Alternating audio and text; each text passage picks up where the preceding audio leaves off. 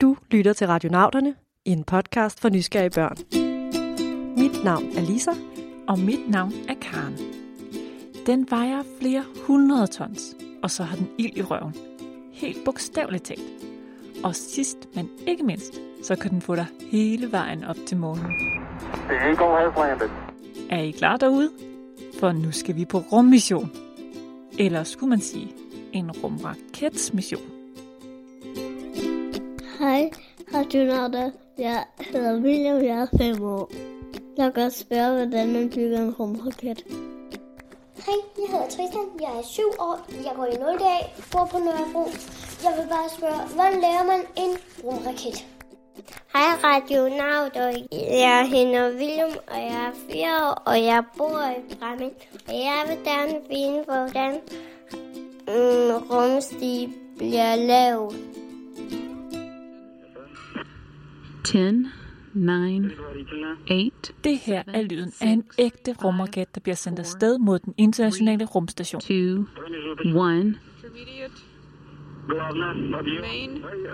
And lift off. Prøv at forestille dig, at vi var med, Lisa. Sammen med William og Tristan og Willum. Så vil jeg nok være lidt nervøs lige nu. For jeg har det altså med at blive flysyg. Og så er der også det der med at finde vej. Hvordan gør man egentlig det ude i rummet? Ej, jeg vil altså være så spændt. Det er altså min helt store drøm at sidde i sådan en rumraket. Og når man flyver deroppe i rumraketten, så har man jo heldigvis en slags telefonlinje på dem nede på jorden. Og så siger man altid sådan noget, Houston, kan du høre mig? Houston, kom ind. Hej, det er Christina. Øh, Christina, er du i Houston? Ej, det er Christina ikke. Men hun er godt nok også en god en at ringe til, hvis man vil vide mere om rumraketter. Jamen, jeg hedder Christina Tolbo, og jeg øh, øver mig i at være forsker, så det hedder en Ph.D. Så jeg arbejder ud på DTU Space. Her bygger vi en masse instrumenter til rummissioner, og vi laver en masse videnskab fra de data, som vi får fra rummissionerne. Og der arbejder jeg med specifikt, hvordan man finder vej i rummet. Så hvordan ved man egentlig, hvor månen er henne, når man skal ramme den, øh, lande på den for eksempel. Eller hvordan ved man, hvor Mars og Jupiter er om syv år, når man kommer frem. Så Christina kan altså hjælpe os med at finde vej derude i rummet. Men inden vi flyver nogen vegne, skal vi så ikke til at blive lidt klogere på, hvad sådan en raket egentlig er for en størrelse. Jeg tror, at det kan flyve ved, at den har nogle motorer, og så er den en kvintillard hurtigere. Den er altså en hvid, og så man takker ud. Det er så en høj støjle med en spids. Og så har den sådan også en kæmpe stor raketmotor. En rumraket har altid en, øh, en spids, og så en, en krop, altså sådan en lang cylinder, hvis man kan sige sådan et rør. Og så har den nogle øh, haler, en hale, sådan nogle finner øh, på siden af, af det der rør. Og så skal den have en motor i enden. Det er sådan den helt simple version af en raket. Og de ser alle sammen mere eller mindre sådan ud. Okay, en lang krop eller et rør af en art, og så en spids snude, og i bund en motor. Tjek. Og så kan de blive mere og mere komplekse eller svære. Altså man kan fx stable raketter oven på hinanden, så man får sådan flere trins raket, eller man kan klistre raketter på siden af raketten, så man får sådan, det hedder en booster, så får man sådan, øh, sådan en lidt bredere udseende raket. Øh, men det er sådan de to måder, man gør det på. En flertrinsraket og en raket med booster. De her ord betyder faktisk, at en rumraket sjældent bare består af én, men af flere raketter. Man kan godt lave en raket, som kun er én raket, altså som bare har en spids, en, et rør og hale og så en motor. Men de kan ikke komme lige så højt op og lige så langt væk, fordi at øhm, jorden, den er rigtig tung, og den holder ligesom på os. Den vil helst ikke sådan have, at vi forlader den. Så vi skal bruge rigtig, rigtig meget benzin og brændstof for at komme væk fra jorden. Så i stedet for at gøre det hele i én omgang, så gør man det, at man tænder for en stor motor ned på jorden, og så bruger man den i nogle minutter, og så har den brændt alt det brændstof, som der skulle til for ligesom at komme lidt væk fra jorden. Og så smider den faktisk halen, skulle jeg sige, halen af raketten. Og så har den en, endnu, endnu en hale nedenunder med endnu en raket og endnu en motor på, som den så kan tænde, og så kan man flyve afsted igen. Juhu! Det kan man så gøre flere gange. Så fordi jordens tyngdekraft holder i raketten, så skal den bruge rigtig mange kræfter for at komme væk fra jorden og langt ud i rummet. Men hvorfor er den så tung at få op? Hvad består den af? Er det ikke bare en astronaut eller to, der skal derop?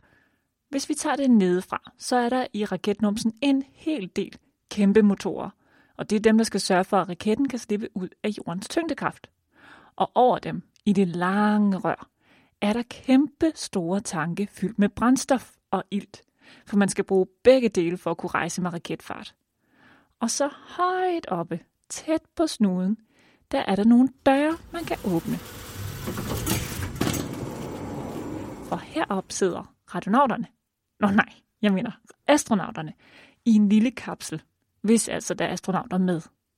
Den lille kapsel, der kan være både rund, firkantet eller kejleformet, er faktisk en raket i sig selv, eller det man også kunne kalde rumskibet. Når man først har brugt sin rumraket på at komme ud i rummet, så, øh, så bliver man koblet fri, og så har man det her rumskib, som også har en raket, men en meget mindre en, og som ser helt anderledes ud. Så kan man bruge det til sådan at flyve rundt i rummet. Så rumraketten er til at komme ud i rummet, og rumskibet er til at flyve rundt i rummet. Wow, så flere raketter og et rumskib i raketten. Det lyder ikke som en helt nem opgave, det der med at bygge en rumraket. Men nu er det jo altså engang den mission, som William og Tristan og Willem har sendt os på. Så hvordan bygger man den? Ja, altså det er også et godt spørgsmål. Der er nogle firmaer, som faktisk er tit er de samme firmaer, som bygger fly, som også bygger raketterne. Så det, det er sådan en, øh, noget, man tager, en, tager noget materiale, der er meget stærkt, og samtidig ikke så tungt. Og så bøjer man det faktisk til sådan et rør, og så, så øh, svejser man det sammen, hvis man kender sådan noget, hvor man har sådan meget varmt øh, pistolagtigt, skulle jeg kalde det, hvor man limer det sammen. Så man limer metallet sammen med øh, metal. Og så har man beskyttelseshjelm på, for der kommer varme gnister, når man svejser store plader metal sammen til rakettens yderside. Og her skal dem, der svejser, gøre sig umage, for rakettens yderside skal kunne holde til ekstremt høje temperaturer og højt pres, og derfor skal den være helt vildt stærk. Og så skal der altså svejses mange store stykker metal sammen. For sådan en raket er pænt høj. Den største raket er altså tre gange så stor som Rundetårn i København. Så, så det er jo ikke noget, man bare kan, kan bygge i et stykke. Man bliver nødt til sådan at samle det lidt ligesom ja, Lego, sådan store stykker Lego. Og så bruger man en rigtig stor bygning til at gøre det med en masse kraner, som kan løfte tingene sammen. Okay, så det er altså lidt ligesom at bygge med Lego og lave en raket. Selvom det nok er de færreste, der bruger kraner, når de bygger med Lego. ja, det er nok rigtigt. Men Karen, Christina sagde, at øh, nogle af dem, der bygger fly, også er dem, der bygger raketter. Mm. Og det giver rigtig god mening. Særligt hvis man zoomer ind på den del, hvor astronauterne sidder. Men hvis man er et menneske i sådan en øh, rumskib, så øh, vil der se ud lidt ligesom et cockpit. Altså ligesom inde i der, hvor man flyver en flyvemaskine. En masse knapper, meget mindre vinduer. Måske slet ikke nogen, det kommer lidt an på designet. Øh, man plejer at have et lille vindue, så man lige kan vide, hvilken vej man vender. Øh, hvis man, især hvis man skal ud et sted, hvor man kan vende op og ned, altså på månen og Mars og sådan. Men ellers så er det næsten udelukkende fyldt med knapper og små alarmlygter og sådan noget, der kan lyse, hvis der er noget galt. Og sådan noget. Så har der nogle stole, som man sidder i. De er sådan faktisk øh, lavet til hver astronaut øh, har man lavet sådan et specielt sæde, fordi de skal klare en masse øh, ting, når de for eksempel skal op og ned, så bliver de udsat for en masse kræfter. Så de øh, er næsten sådan speciallavede sæder til de her astronauter. Og ellers så er der ikke så meget plads. Det er nok den sidste ting. Der er fyldt med knapper, der er ikke så meget plads, og så er der nogle sæder.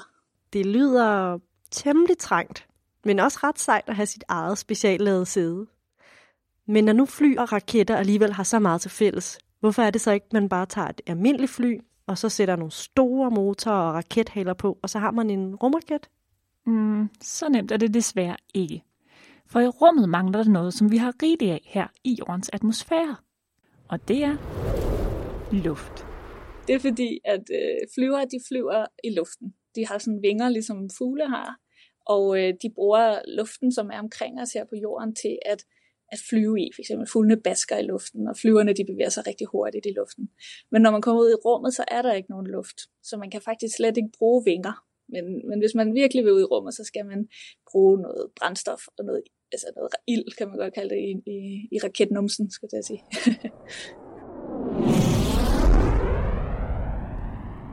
Man skal altså af med vingerne, og så skal der fyres godt op for raketnumsen, hvis man vil helt ud i rummet. Jamen, man skal bruge en rumraket til at komme ud i rummet. Det er faktisk den eneste måde, vi kender, som vi kan komme ud i rummet på. Og så når man er kommet ud i rummet, så kan man også bruge rumraketter til at bevæge sig rundt derude. Så, så det er ligesom vores transportmiddel, ligesom en bus eller en tog eller en fly, men bare for, for astronauter eller satellitter. Fedt. Så i stedet for at tage bussen, så tager astronauterne bare rumraketten. Ja, bare og bare. Det er altså ikke helt så nemt som at hoppe på bussen. Ingenting er lige så nemt op i rummet, som det er hernede på jorden. Men vi kan da måske prøve at forestille os, hvordan sådan en bustur ville se ud.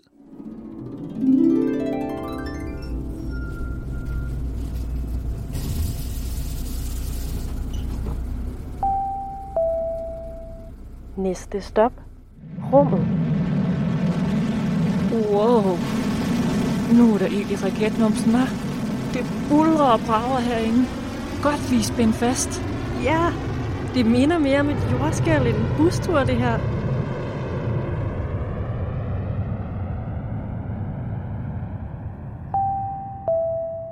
Tryk for stop. Ah, nu blev det altså mere behageligt. Nu bliver jeg ikke mas ned i sædet, men jeg svæver faktisk lidt over det. Og hvis jeg tager selen af... Ja, se Karen, jeg svæver. Ja, det er fantastisk. Og dit hår, Lisa, det står lige op i luften. Og det gør det, fordi heroppe i rummet er vi sluppet for jordens tyngdekraft. I stedet for har man noget, der hedder mikrotyngdekraft, der gør, at man er næsten helt vægtløs og svæver rundt. Også herinde i rumskibet. Men der er også andre, der svæver rundt heroppe. For eksempel satellitter. Og for eksempel en kæmpe stor rumstation. Næste stop. Den internationale rumstation. Her er vores stop. Kom, så stiger vi af, Lisa. Hvis rumskibet er lidt som en bus eller en bil, så er det her lidt som et hus. Altså et hus, der svæver rundt i rummet. Og nej, det ligner ikke et normalt hus. Det ligner mere et kæmpestort rumskib, hvor astronauterne kan bo og lave eksperimenter. Så altså, de bor heroppe, det vil sige, de spiser og sover? Ja, men alting er altså anderledes end nede på jorden. Fordi de svæver rundt herop, så ligger de for eksempel ikke ned og sover i en seng, men de har bare sådan en sovepose, som de klistrer fast til væggen med noget velcro. Og så kan de ligesom hænge og sove, helt uden at falde ned. Og øh, ved du, hvad der heller ikke falder ned? Det er lidt skørt. Men... Deres tis og lort falder heller ikke ned i toilettet, fordi der næsten ikke er noget tyngdekraft. Og man kan altså ikke have sådan nogle efterladenskaber til at svæve rundt i luften, vel? Så...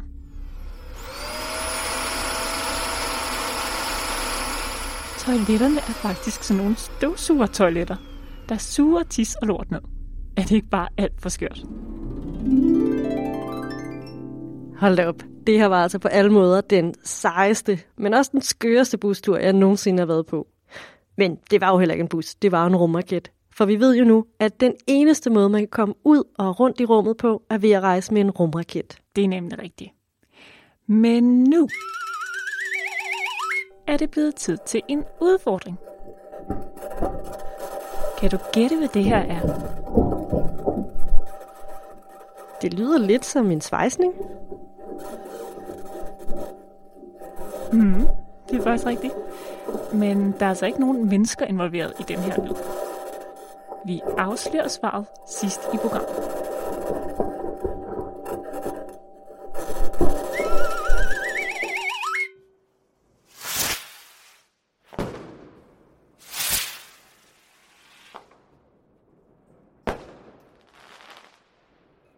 fyrværkeri er jo en raket, og det er opfundet for, for tusind år siden i Kina, så man, altså, man har ligesom haft styr på det her med, hvis der kommer noget ud i den ene ende, så bevæger det sig i den anden ende. Wow, betyder det så, at også rumraketter er en tusind år gammel opfindelse?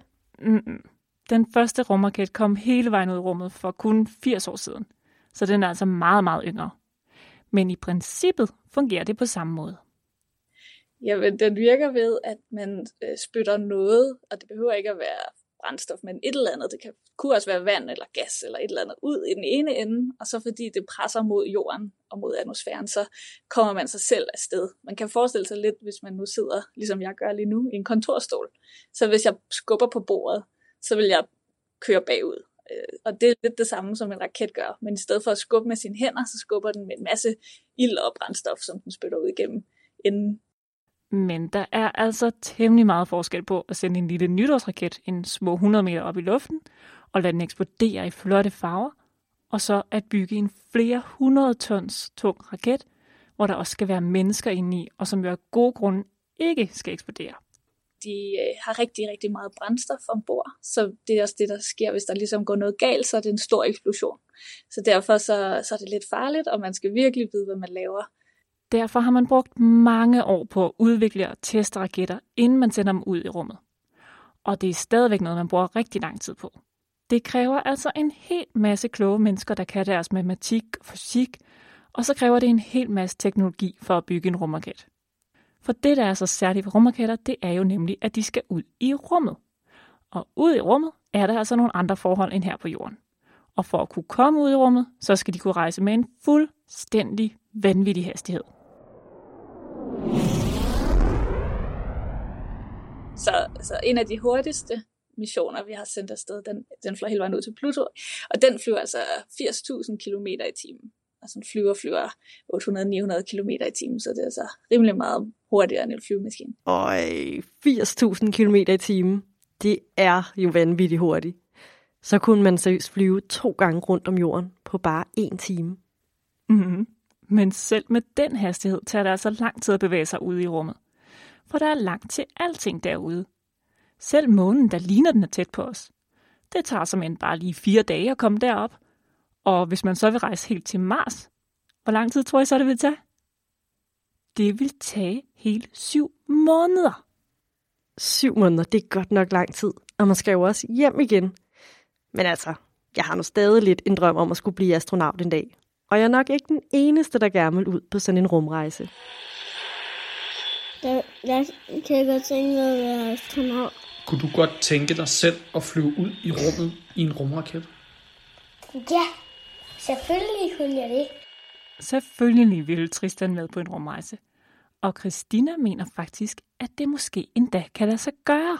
Ja, det tror jeg helt sikkert. De er jo I er sikkert ikke så gamle endnu jo, så, øh, så om ikke særlig mange år, så bliver, der øh, meget, bliver det meget lettere at komme i rummet. Der kommer til at være mange flere, der kommer i rummet. Det der sker allerede nu. Man behøver ikke at være sådan helt lige så supermandsagtig øh, eller super kvindeagtig, som man har skulle være tidligere for at være astronaut. Nu er det noget også med at have en, en klog øh, hjerne. Man skal måske i virkeligheden være lidt øh, snedig. Og så øh, kommer det også til at være sådan, at hvis man er rig, så kan man købe sig til det, så man kan også prøve at blive rig. Det er også en mulighed. ja, den vej er der selvfølgelig også. For fremtiden kommer der sandsynligvis mange flere mennesker i rummet. Og måske endda du kan blive astronaut og tage på rumrejser. Du skal bare fortsætte med at være nysgerrig og lære en masse nye ting. Og en af de ting, du skal lære, det er sprog.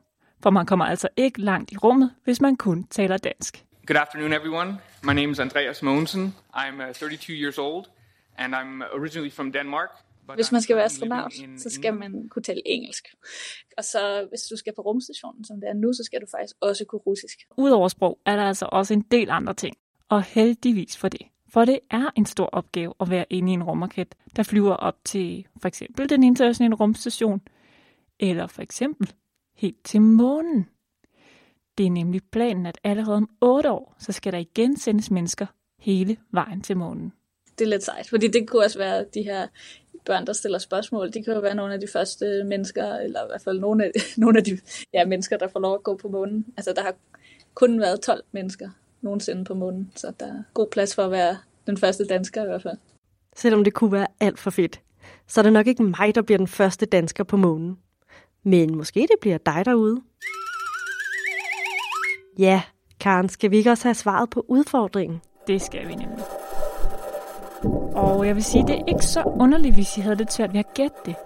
For det er nemlig lyden af Mars. Og den robot, der kører rundt og undersøger overfladen deroppe. De fleste rumrejsende er faktisk ikke mennesker. Det er satellitter og robotter.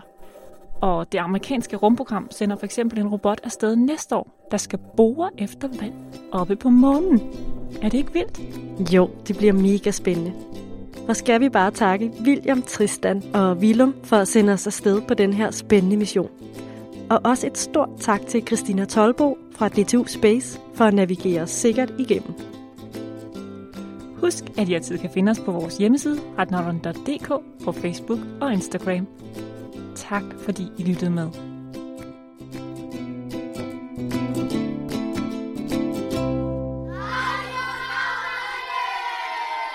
Radionauterne er produceret af Karen Bryl Birkegaard og Lisa Bay med støtte fra Novo Nordisk Fonden. Med os i redaktionen sidder Elise Norman.